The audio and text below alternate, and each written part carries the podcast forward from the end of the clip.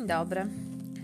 Temat dzisiejszej lekcji to sprawa polska podczas II wojny światowej. E, mam taki plan, że w ciągu tych dwóch godzin, to znaczy dzisiaj i w wasz, waszą lekcję w następnym tygodniu, zrobimy sobie trochę taki jakby mm, najważniejsze informacje tak, z tego tematu, z tych tematów, które tam macie, bo macie rozszerzone aż na cztery a my zrobimy sobie to na dwa, ponieważ Wy już też nad tym pracowaliście, a to jest jakby tylko będzie przypomnienie. Klasa pierwsza C e, była oczywiście tutaj na wyjściu w muzeum, natomiast B mam nadzieję, że jeszcze będzie szansa na to, żeby na e, tą lekcję e, pójść do muzeum. Niemniej, mm, no jakby tutaj trzeba przypomnieć pewne informacje. Taki pierwszy punkt to jest, słuchajcie, tego tematu to polskie władze na emigracji. Chciałam Wam tylko powiedzieć, że e, do e, tego nagrania macie dołączone też notatki z lekcji. E, tam jest też taka karta pracy do wykonania, ale to jest taka prosta karta pracy, ona nie jest na ocenę, to jest tylko dla przypomnienia, dla utrwalenia jakby wiadomości. Dodatkowo macie też filmik do, włączony jeden i filmik dołączony drugi. Gdzie go szukać? Szukać go w plikach na na, w takim folderze, który nazywa się e, miejsce na, e, znaczy, mm, kurczę, jak to się nazywa?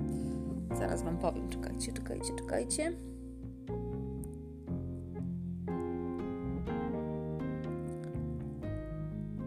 No, tam są notatki, w plik, jak weźmiecie, to tam jest jeden taki żółty folderek i tam będziecie mieć e, po prostu e, dołączone dołączone te filmiki oprócz notatki. E, bo nie, może, nie mogę uruchomić. No to lecimy dalej, słuchajcie. E, jakby ważniejsze sprawy, tak? Więc pierwszy punkt tego tematu to są polskie władze na emigracji. I co tutaj trzeba pamiętać, że e, pamiętacie, w, gdy wybuchła e, II wojna światowa i władze cywilne i wojskowe tutaj, tak, rydz śmigły, e, próbują opuścić Warszawę tam z nocy z 6 na 7 września 1939 roku, no i udać się na mm, granicę z Rumunią. Oczywiście wiemy, że mm, sytuacja na froncie e, coraz bardziej była dramatyczna, e, dlatego ostatecznie była próba przeniesienia działalności rządu do Francji. E, o decyzji tej przeniesienia władz Polski E, przesądziła oczywiście agresja Związku Radzieckiego z 17 e, września. I wtedy polskie władze z, w nocy z 17 na 18 września e, przekroczyły granice Rumunii. Już na terytorium tego państwa oczywiście wydano odezwę do narodu, którą Rumuni uznali też za naruszenie ich neutralności a tak naprawdę to chodziło o to, że po prostu obawiali się też e, jakichś takich e, represji wobec siebie i e, internowali rząd i prezydenta. Co to oznacza internować? No, przetrzymali po prostu w takiej jakby. Mm, może nie niewoli, tak, ale no bo to, to były władze, ale jednak nie, nie puści w takim areszcie domowym, tak można to nazwać, tak, e, te, te władze zostały mm, zatrzymane. E, tutaj nie chodziło o samą niechęć do Polaków, lecz właśnie mm, naciski III Rzeszy, Związku Radzieckiego i samej Francji, ponieważ Francuzi też, słuchajcie, byli zainteresowaniem, zainteresowani objęciem rządów przez przedstawicieli przychylnych im polityków antysanacyjnych, bo wiemy, że e, w Polsce mm, rządziła sanacja przed wybuchem. No i poza tym e, w Rumunii obawiali się też, że sami znajdą się w kłopotliwej sytuacji, tak? E, ale też sami Francuzi, że gdy już polskie władze będą w pobliżu Paryża, no to wtedy zażądają e, w, od Francuzów wypełnień zobowiązań sojuszniczych, które nie zostały oczywiście dopełnione. I słuchajcie, prezydent Ignacy Mościcki na podstawie zapisów Konstytucji Kwietniowej, w której oczywiście tutaj e, ta odpowiedzialność e, przed Bogiem, historią i w ogóle pełnię właściwie władzy w rękach prezydenta była, sprawiły, że mianował na swojego następcę generała Bolesława Wieniawę Długoszewskiego. ówczesnego ambasadora we Włoszech. Polski oczywiście. E, jednak władze francuskie odmówiły akceptacji tej decyzji, żądając powołania nowego kandydata. No to oczywiście było in, e, jawną in, ingerencją w nasze wewnętrzne sprawy mm, Polski. E, wskutek pewnego kompromisu urząd prezydenta objął związany z sanacją wojewoda pomorski Władysław Raczkiewicz. Przysięgę złożył on 30 mm, września 1939 roku, a na premiera mianował głównego lidera opozycji antysanacyjnej, czyli właśnie Władysław, generała Władysława e, Sikorskiego. No i słuchajcie, co tutaj się dzieje dalej? E, w, dzieje się dalej tak, że była próba jakby tutaj skompletowania też członków rządu, tak, z, ze, stronnictwa, ze Stronnictwa Ludowego i Polskiej Partii Socjalistycznej. No i to się jakby udało, tak jeszcze Stronnictwa Narodowego, ale też, e, słuchajcie, znaleźli się tam Piłsudczycy. Ministrem spraw zagranicznych na przykład został August e, Zaleski. No i pierwotną siedzibą, słuchajcie, tutaj trzeba pamiętać, że pierwotną siedzibą władz polskich był oczywiście e, Paryż, potem Angers, kiedy po klęsce Francuzi po prostu tutaj klęska za klęską była, dlatego po klęsce Francji y, rząd musiał udać się dalej na emigrację, czyli właśnie w 1940 roku udaje się do Londynu. Y,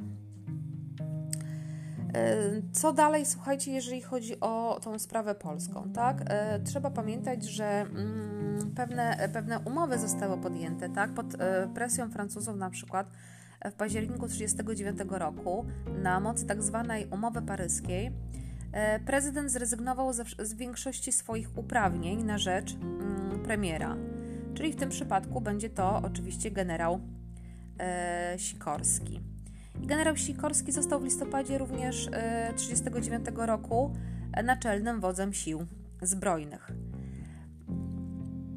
A taką namiastką polskiego parlamentu od grudnia stała się Rada Narodowa Rzeczpospolitej Polskiej, e, w której zasiadali przedstawiciele stronnictw i partii, już z e, sędziwym Ignacym Paderewskim na czele. E, teraz takim drugim punktem, czyli jakby mamy omówione, omówioną sprawę władz, teraz trzeba omówić tak delikatnie i szybko sprawę oczywiście powstania polskich sił zbrojnych, i tutaj też będziecie mieć e, w tych filmikach e, informacje jakby e, większą. Natomiast my jakby już też troszeczkę wspominaliśmy o tych, o tych sprawach, jak, jak rozmawialiśmy o działaniach na, front, na frontach II wojny światowej. Więc tak, tutaj trzeba pamiętać, że nowy rząd polski na emigracji zaczął e, od początku jakby szybko tworzyć, e, odtwarzać e, polskie siły zbrojne. I tutaj przyjmowano zarówno Polaków mieszkających na emigracji, jak również tych, którym się udało po prostu uciec z, z okupowanego kraju bądź obozów internowania. Dzięki temu do wiosny 40 roku mamy już, słuchajcie, na zachodzie 85 tysięcy naszych żołnierzy. Zgodnie z umową zawartą w styczniu 40 roku, regulującą status polskich sił we Francji, e, podlegały one e, nie e, jakimkolwiek władzom, które mogłyby być w, oczywiście w, na terenie okupowanej Polski, tylko oczywiście formalnie podlegały władzom emigracyjnym i miały też wykonywać rozkazy francuskich dowódców. Później oczywiście sytuacja się odmienia, ponieważ wiemy, że już nie będziemy mieć francuskich dowódców, tylko będziemy mieć oczywiście e, dowódców brytyjskich. I tutaj słuchajcie, e, pierwsze cztery dywizje piechoty powstają już w 1939 roku, tak? Brygady pancerno-motorowe i tutaj jednostki lotnicze również. Zresztą później słynne 303 na przykład, tak? Jako pierwsza z tych właśnie sił zbrojnych polskich e, w walkach z hitlerowcami bierze udział samodzielna brygada strzelców podhalańskich. I oni biorą, słuchajcie, udział, oczywiście tutaj strzelcy podhalańscy biorą udział w, z, wspomagając aliantów tak, po ataku Niemców na Norwegię. E, ta jednostka wchodzi w skład e, alianckich sił posiłkowych i już w maju 40 roku bierze udział w e, strategicznych walkach o port w Narwiku. Ogólnie rzecz biorąc, wiemy, że miasto zostało ostatecznie zdobyte, a rozwój sytuacji we Francji sprawił, że wojska sprzymierzone musiały się z tego obszaru wycofać. No i co tutaj, słuchajcie, dalej, e, około te, te jednostki, które powstały we Francji, tak, to jest około 50 e, tysięcy żołnierzy. E, mm, no właśnie, tutaj słuchajcie, muszą się jakby przenieść do z, z, z, z, tej, tej, z, tego, z tego terenu już później okupowanego z Francji, oczywiście do, do Wielkiej Brytanii, dokładnie słuchajcie, w, w największy taki obszar, gdzie, gdzie te nasze wojska były, to jest oczywiście e, Szkocja. I tutaj mamy oczywiście dywizjony lotnicze. Dalej, e, z tą samodzielną brygadę strzelców podhalańskich trzeba było przerzucić, tak? I tutaj jeszcze oczywiście e, z, i z tego wszystkiego, słuchajcie, z, z, tych, z tego z tego zlepka naszej armii, tak, tworzy się e, w Szkocji właśnie pierwszy korpus e, polski. No i co tutaj trzeba pamiętać, słuchajcie, że zasady działania, zasady działania i finansowania oczywiście polskich oddziałów e, należały po prostu do mm, Brytyjczyków i mm, Brytyjczycy podpisali właśnie tą umowę w sierpniu 40 roku, na jakich to zasadach w ogóle będzie E, te polskie siły zbrojne na ich terenie.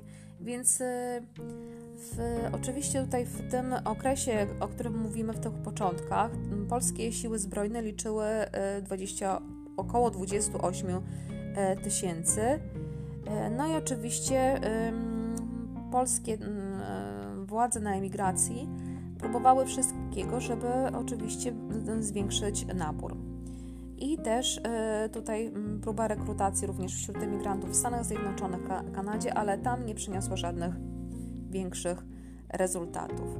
Poza tym, słuchajcie, w tych polskich siłach zbrojnych przeważała kadra y, oficerska i to też skrzętnie wykorzystywano do rozgrywek politycznych, tak? Co trzeba pamiętać, słuchajcie, no dalej, to oczywiście y, kolej, w kolejnych latach E, udaje się z, mm, stworzyć kolejne, e, kolejne oddziały, ale jeszcze chciałabym Wam tylko powiedzieć, że jakbyście tak byli zainteresowani w ogóle, jaka była sytuacja e, Władysława Sikorskiego w Wielkiej Brytanii i sytuacja tutaj obozu sanacyjnego, czy oni rzeczywiście doszli do jakiejkolwiek władzy i czy udało im się dalej funkcjonować jako rząd na emigracji, to polecam Wam e, taką lekturę jak e, Wyspa Węży. E, jak sobie wklikacie taki sprawa Sikorskiego i obozu sanacyjnego, to myślę, że Wam to wyskoczy. Ale wracając do jakby ważniejszej naszej sprawy, słuchajcie, to oczywiście mm, jakie jednostki powstały, to oczywiście pierwszy korpus pancerno-motorowy, motorowy, tak, i tutaj była oczywiście najważniejsza taka y, postać generała Stanisława Maczka, który e, dowodził pierwszą dywizją pancerną. Mamy również e, pierwszą brygadę strzelców, tak, e, oraz pierwszą samodzielną brygadę spadochronową. I tutaj dowódcą, na czele dowódcą tej, tej brygady spadochronowej oczywiście był generał Stanisław Sosabowski. I e, wszystkie te jednostki podlegały bezpośrednio właściwie e, też mm, Władysławowi Sikorskiemu. I o nim też troszeczkę e, będzie mowy, słuchajcie.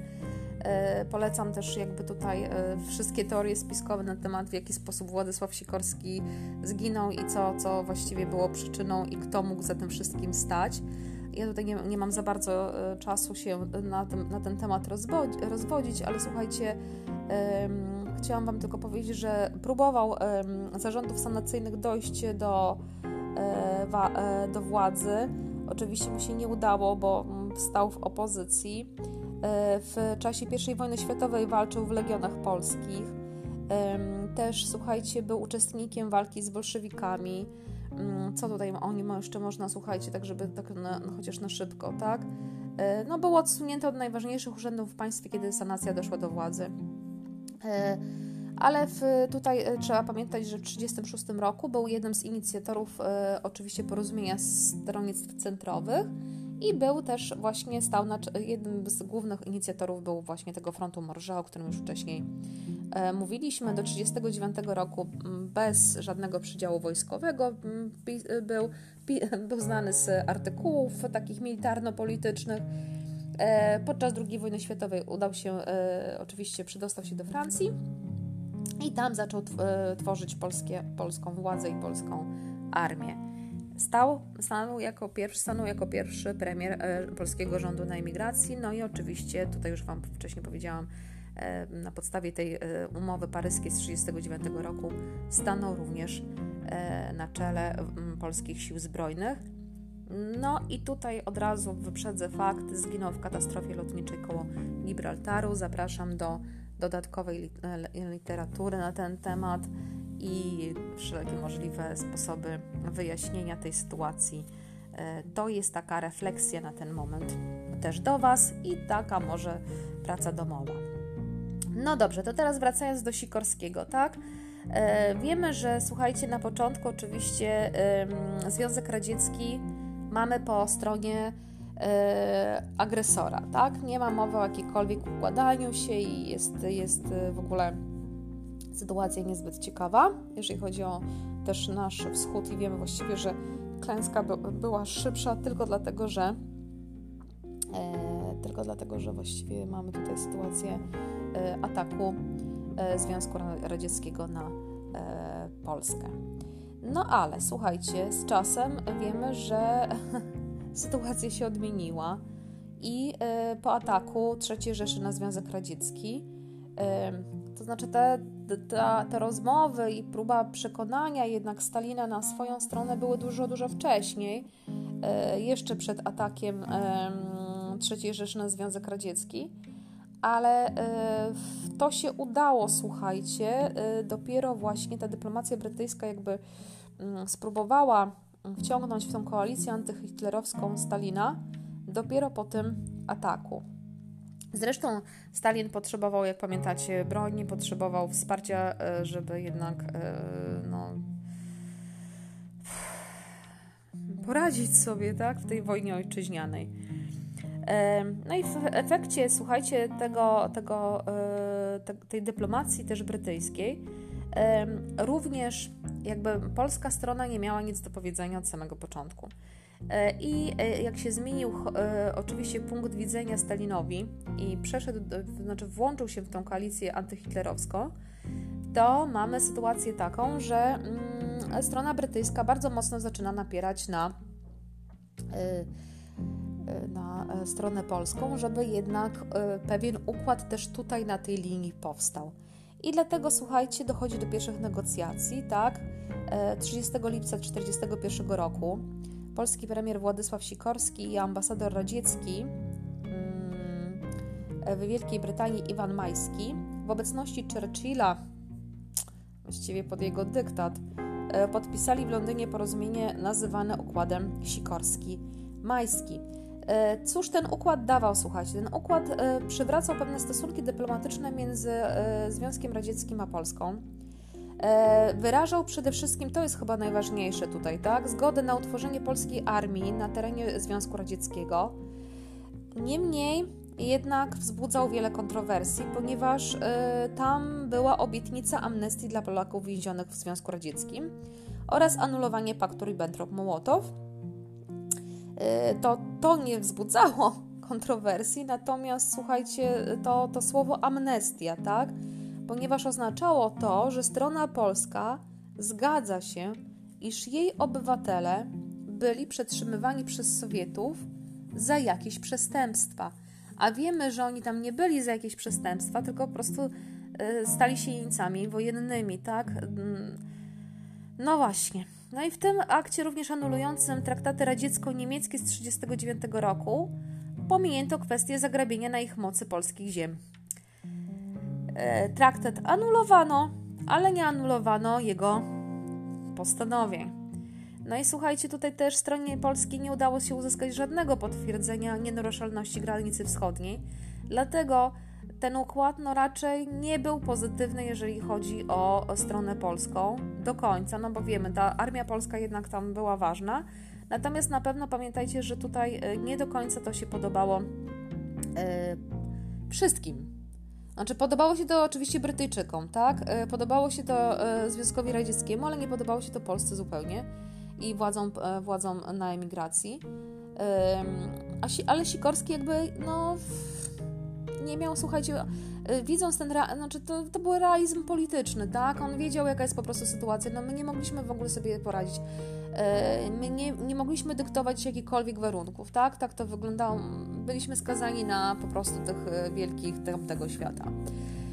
No poza tym liczył na uwolnienie Polaków więzionych w Związku Radzieckim i tych oficerów, tak, y, którzy też dostali się do niewoli.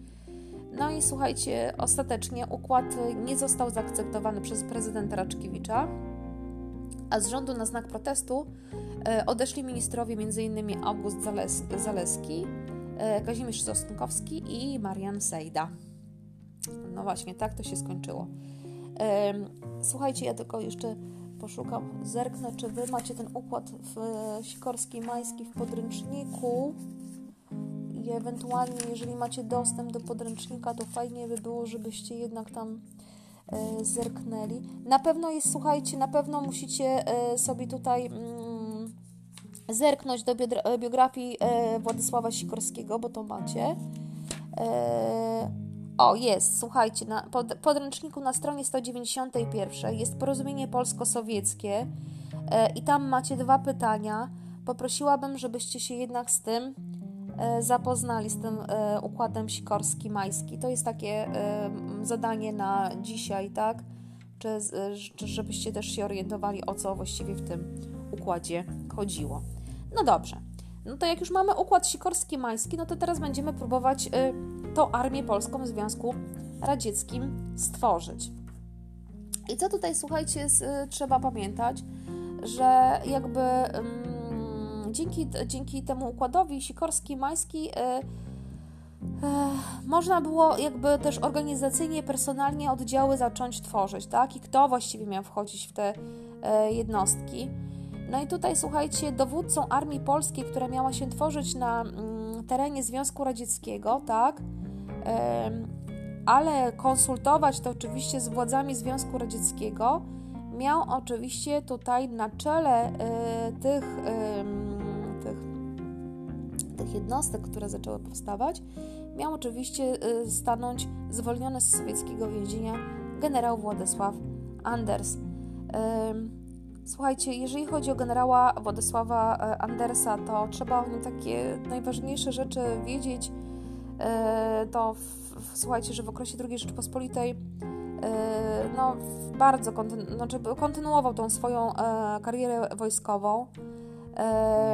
Mało tego, w czasie zamachu majowego był szefem sztabu wojsk rządowych, a podczas wojny obronnej dowodził brygadą kawalerii w 1939 no i dostał się do niewoli sowieckiej. Był e, więziony przez NKWD w Moskwie. A po podpisaniu porozumienia Sikorski-Majski e, 30 lipca 1940, e, 1941 roku został z tego więzienia zwolniony i oczywiście w latach 41-42 dowodził armią polską w Związku Radzieckim. I teraz uprzedzę Wam już fakt, e, bo słuchajcie, to e, generał Anders nie zgadzał się na to znaczy bardzo mocno napierał na to, żeby Związek Radziecki jakoś doposażył e, i doszkolił tak, tą armię nazywaną armią Andersa. Dodatkowo, słuchajcie, nie zgodził się na to, żeby taka nie, no, właściwie wygłodzona, tak wygłodzeni ludzie wszli na front i jakby też napierał tam na tą stronę brytyjską, żeby jednak no, nie stali się mięsem armatnim, o tak, o to chodziło, tak, bo oczywiście Stalin miał zupełnie inne e, plany.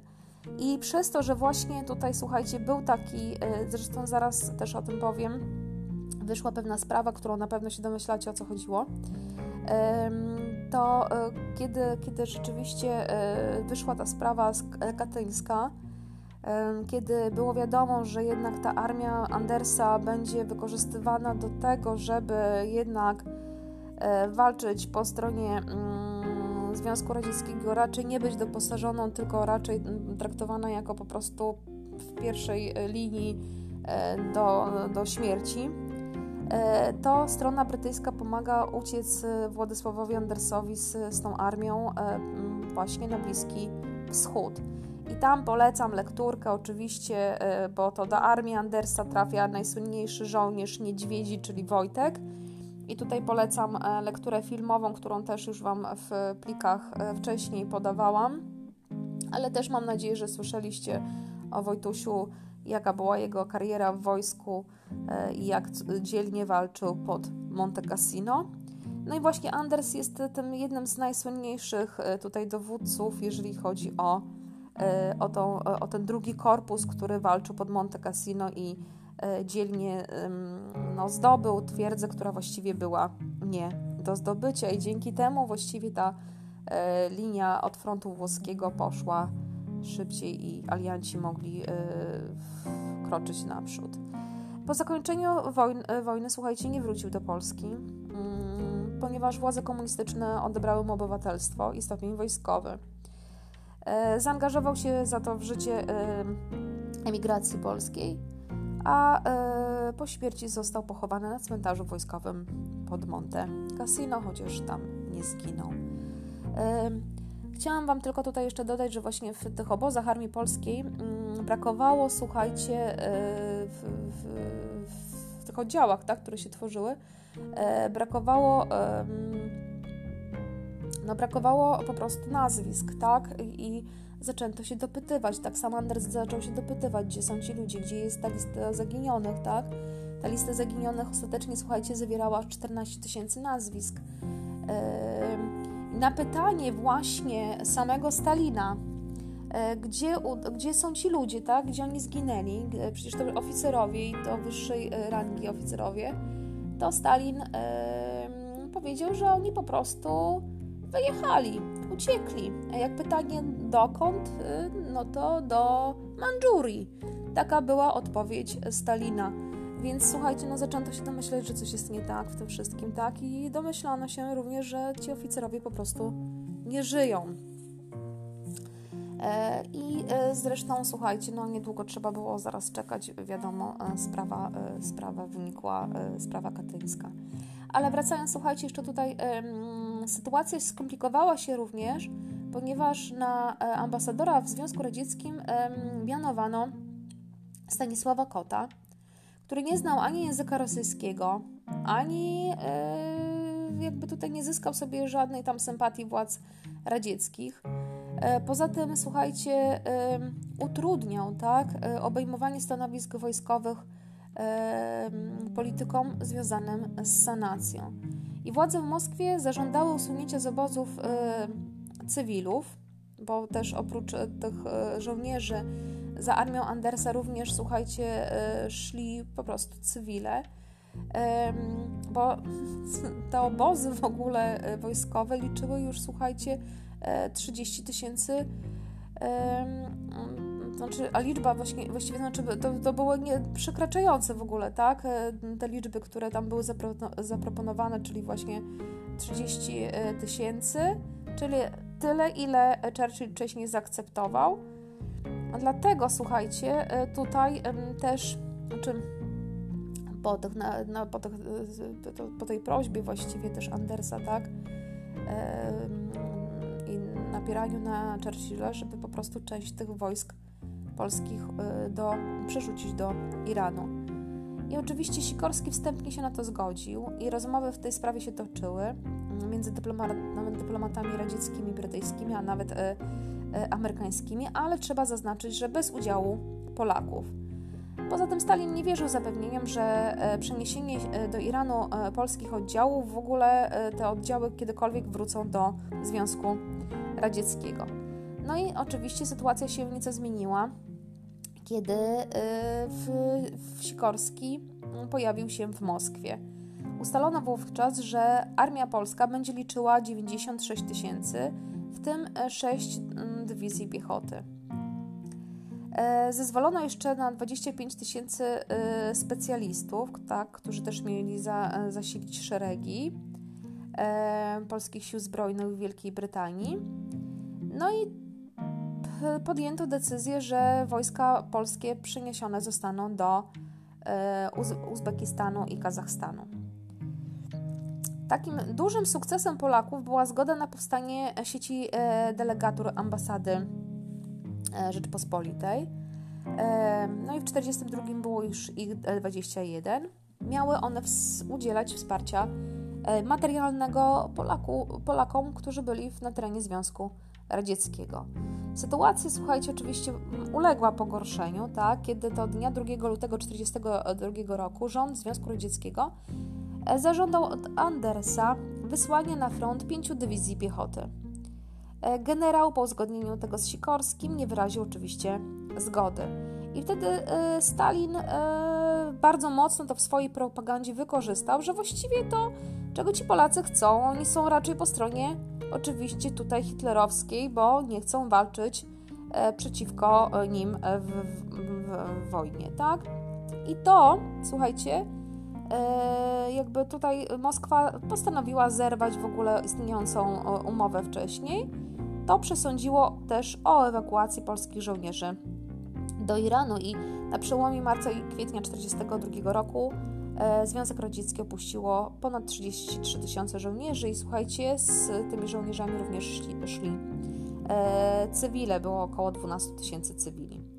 Myślę, że nie jedna wasza e, historia rodzinna kryje ze sobą e, postaci, które, e, osoby, które szły z armią Andersa w czasie II wojny światowej, więc też polecam pogrzebać we własnych rodzinach, żeby też e, wiedzieć może mm, są takie, takie życiorysy.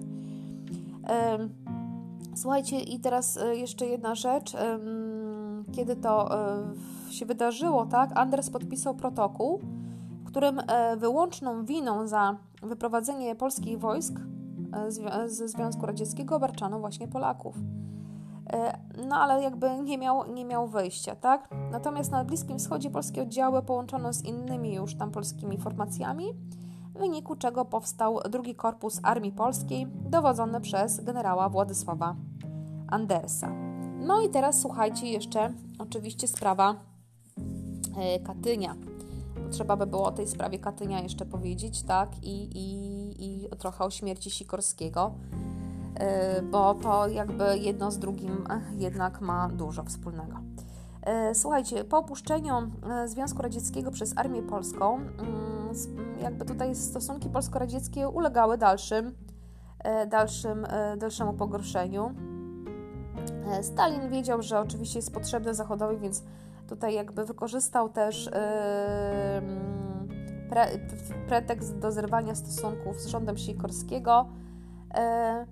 No i oczywiście tutaj miał swoją koncepcję na temat Polski od samego początku, więc ja myślę, że, że to nie trzeba Wam tłumaczyć. E, sytuacja jeszcze się oczywiście pogorszyła, kiedy to um, ujawniono zbrodnię katyńską. Stało się to 18 lutego 1943 roku, kiedy Niemcy oczywiście prowadzili eshumację w Lasu Katyńskim i po przebadaniu ponad 400 ciał stwierdzono, że to są zabici polscy oficerowie, a tego mordu dokonano w roku 40. Zresztą słuchajcie, e, tutaj mm, trzeba pamiętać, że E, w nocy z 12 na 13 maja 1943 roku e, w berlińskim e, radiu tak, ogłoszono, że w okolicach Smoleńska znajdują się masowe groby oficerów, polskich oficerów, tak, zamordowanych w 1940 roku przez NKWD. No i oczywiście strona polska od samego początku wiedziała, kto za tym stoi, tak, ale też były podejrzenia, że strona niemiecka też o tym od początku wiedziała. Bo już mówiliśmy sobie o tej wzajemnej współpracy i tak dalej, więc myślę, że to, to było jasne. I kiedy, kiedy ta sprawa, ta sprawa też była specjalnie wykorzystana do tego, żeby jednak tą stronę polską przyciągać na jedną lub drugą stronę. Oczywiście tutaj e, Sikorski nie mógł w ogóle liczyć na, na brytyjską stronę, tak, ponieważ wiemy, że Churchillowi zależało wtedy na, e, na Stalinie chodziło o działania wojenne. E, I tutaj słuchajcie, mm, dlatego 16 kwietnia poprosił e, mm, tutaj o przeprowadzenie na własną rękę właściwie śledztwa w tej sprawie przez Międzynarodowy Czerwony Krzyż. I tego samego dnia taką prośbę również złożyli Niemcy. No i władze radzieckie uznały to jako kolejną współpracę polsko-niemiecką i oczywiście posłużyło to jako pretekst do zerwania 25 kwietnia 1943 y, roku całkowicie stosunków dyplomatycznych z Polską. Słuchajcie, co, co tutaj można by było powiedzieć? No tutaj na pewno jeszcze trzeba by było wspomnieć o e, tych najważniejszych oddziałach, które e, walczyły, ale ja bym chciała teraz jeszcze, mm, zanim o oddziałach, chciałabym e, o śmierci samego generała Sikorskiego. Więc ta sprawa katyńska stała się, jak widzicie, znaczącym problemem we wzajemnych, wzajemnych stosunkach polsko-brytyjskich też, słuchajcie bo też e, tutaj to jest e, taka istotna i kluczowa kwestia. Sikorskiemu zależało na tym, żeby oczywiście tutaj tą sprawę wyjaśnić. Mm, no i teraz, teraz słuchajcie, no co, co dalej? Z kolei polska strona, wiecie, no była nastawiona na to, żeby, żeby jednak tego Stalina pociągnąć do jakiejkolwiek odpowiedzialności, tak? I, i Sikorski E, wiedział, że te stosunki dyplomatyczne z Moskwą to są po prostu nierealne, tak? No, co jeszcze, słuchajcie? No, morale też yy, podupadły, bo wiemy, no, jak ta sprawa katyńska wyszła, wiemy, że jednak Stalin był yy, sojusznikiem brytyjskim.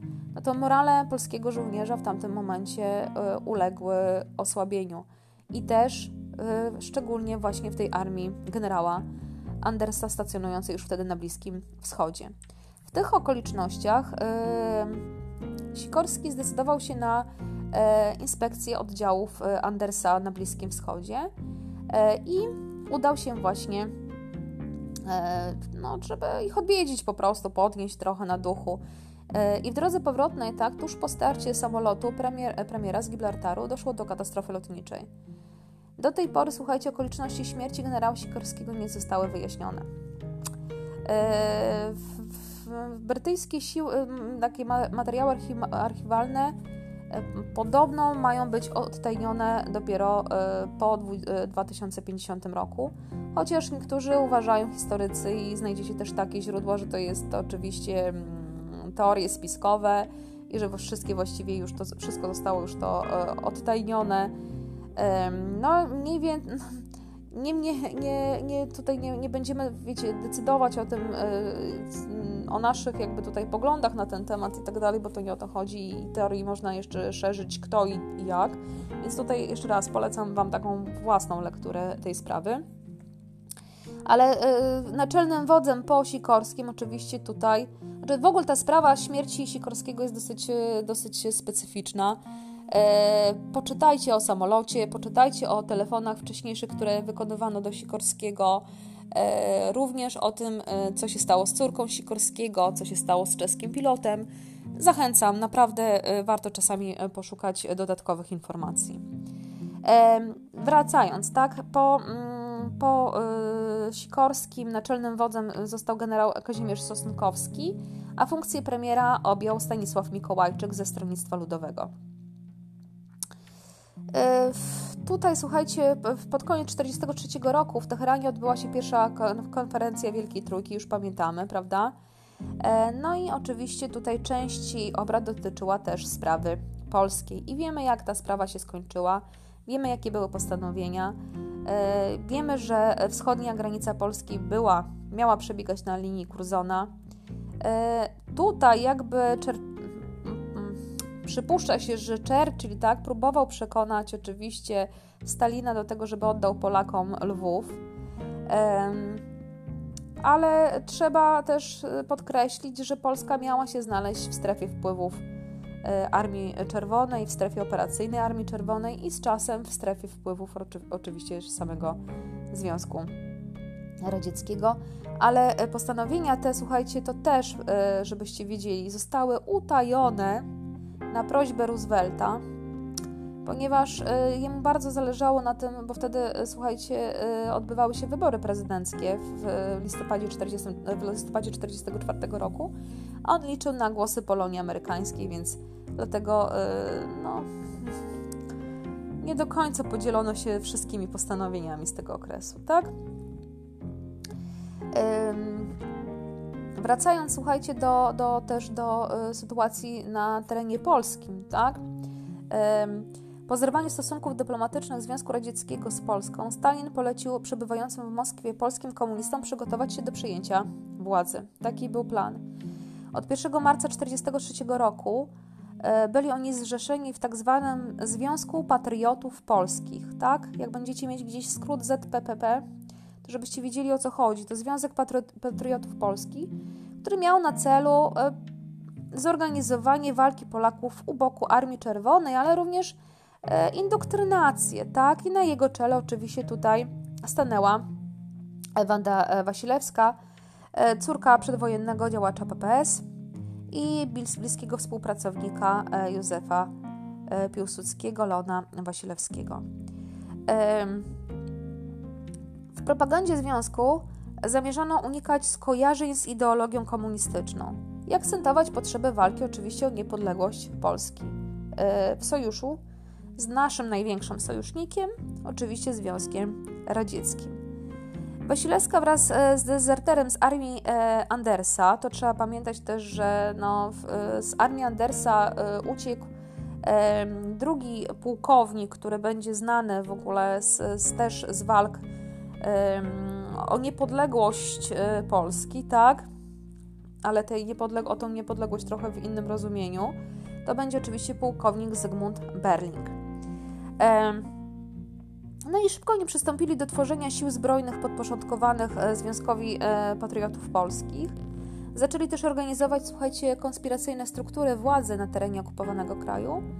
I z 31 grudnia 1943 roku na 1 stycznia w Warszawie powstała tak zwana Krajowa Rada Narodowa. Ze słynnym już, mam nadzieję, że słyszeliście przynajmniej NKWD-stą, tak, Bolesławem Bierutem, jako przewodniczącym, który zresztą później e, też zasłynie, bo będziemy mówić o e, Polsce Ludowej. Bierut. E, no właśnie. No i tej namiastce przyszłego parlamentu zasiedli głównie przedstawiciele stronnic lewicowych, oczywiście, mm, mam nadzieję, że nie jesteście zaskoczeni, i mniej lub bardziej powiązani oczywiście z komunistami.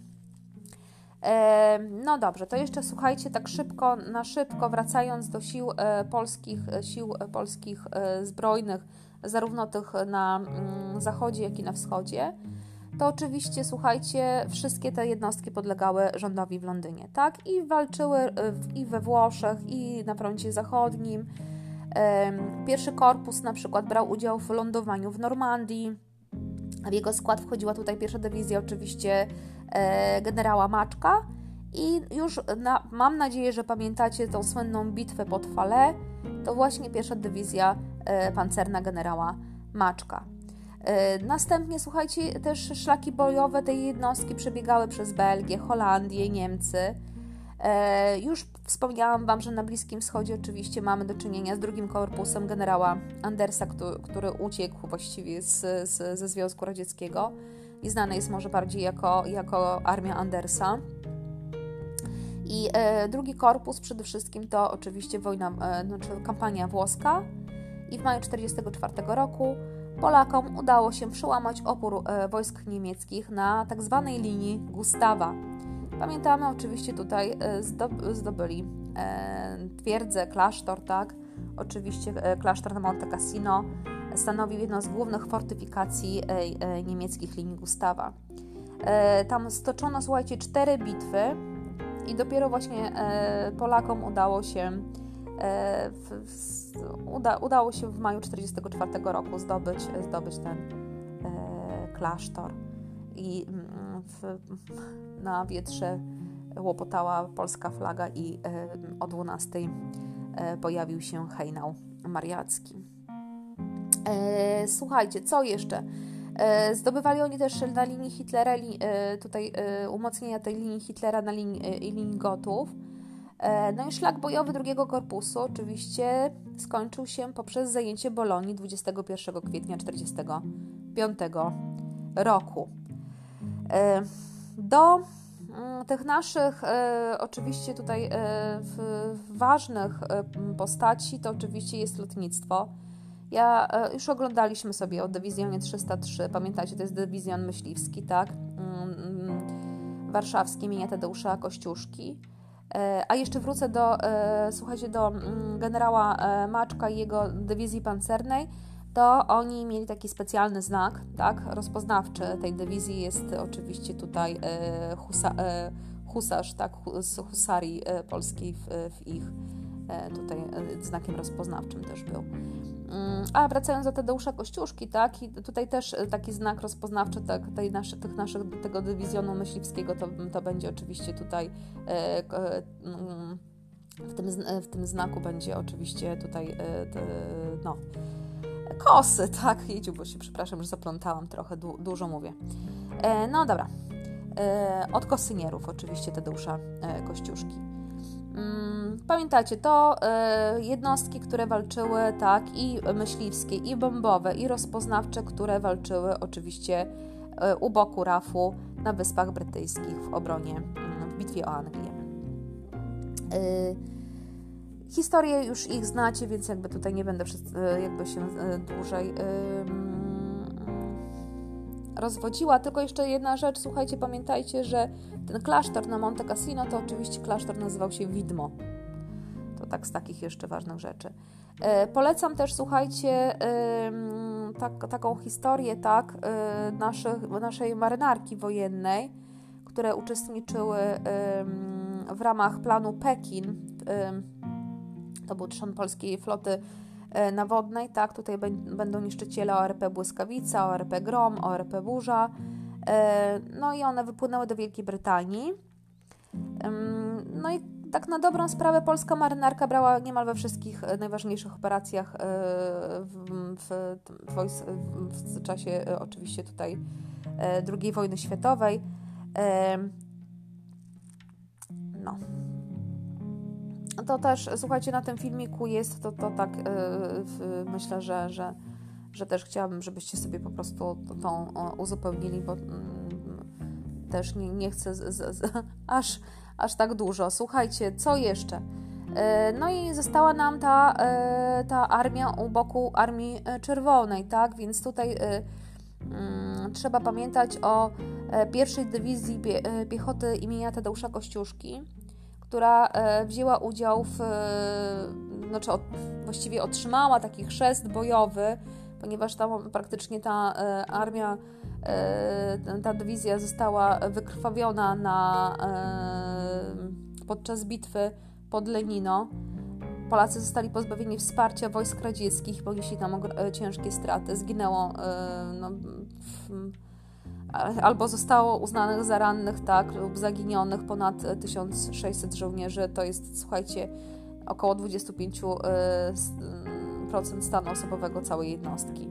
Oczywiście tutaj e, ich dowódcą, tak, najważniejszą tą postacią to będzie oczywiście mianowany przez samego Stalina e, pułkownik Zygmunt Berling, jak już Wam wspomniałam, uciekinier z armii Andersa.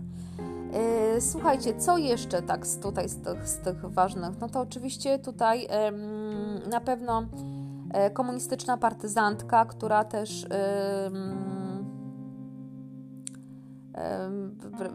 została włączona tutaj do armii Berlinga.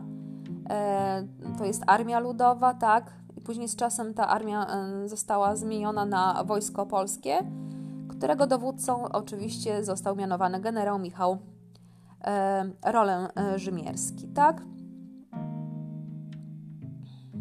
Zw związany bezpośrednio z wywiadem Związku Radzieckiego.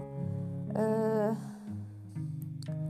dodatkowo, słuchajcie, tak na dobrą sprawę ta armia, oczywiście ta, która szła przy, u boku Armii Czerwonej, była, podlegała bezpośredniej kontroli oczywiście samego Stalina. I właściwie kadra oficerska, tam około 40% kadry oficerskiej to sami właściwie obywatele Związku Radzieckiego. Pierwsza e, armia Wojska Polskiego, słuchajcie, e, wzięła udział w walkach o Wał Pomorski, to też będziecie mieć w notatkach. Mm, też uczestniczyła w zdobywaniu Berlina. Natomiast armia, druga armia Wojska Polskiego, dowodzona przez generała Karola Świerczewskiego, e, była skierowana na Łużyce i gdzie w wyniku tak słabego rozpoznania sił wroga oraz bardzo trudnych, zało- bardzo trudnych założeń strategicznych tak, całego planu, poniosła ogromne straty w walkach o Budziszyn i Drezno. No i później te, ta, ta jednostka, drugi, e, druga armia Wojska Polskiego generała Świerczewskiego brała udział też e, w wyzwoleniu e, czeskiej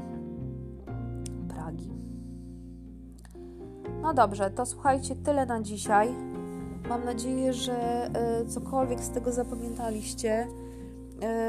Notatki do tego będziecie oczywiście mieć. To dosyć długa dzisiejsza historia ale, e, no, ale nie mogłam inaczej. E, wasze zadanie, słuchajcie, na dzisiaj, tak, do tego wszystkiego jeszcze dodatkowych tych informacji, to chciałabym, żebyście e, umieli tak samodzielnie wymienić formacje polskie, które walczyły na frontach II wojny światowej. No i znali ten oczywiście układ Sikorski-Majski i żebyście tą postać generała Sikorskiego oraz Andersa również kojarzyli. No i tak dla ciekawostki oczywiście Wojtka. Mm, to tyle na dzisiaj. Dziękuję Wam serdecznie. Zapraszam też do lektur filmowych. Do zobaczenia, do usłyszenia.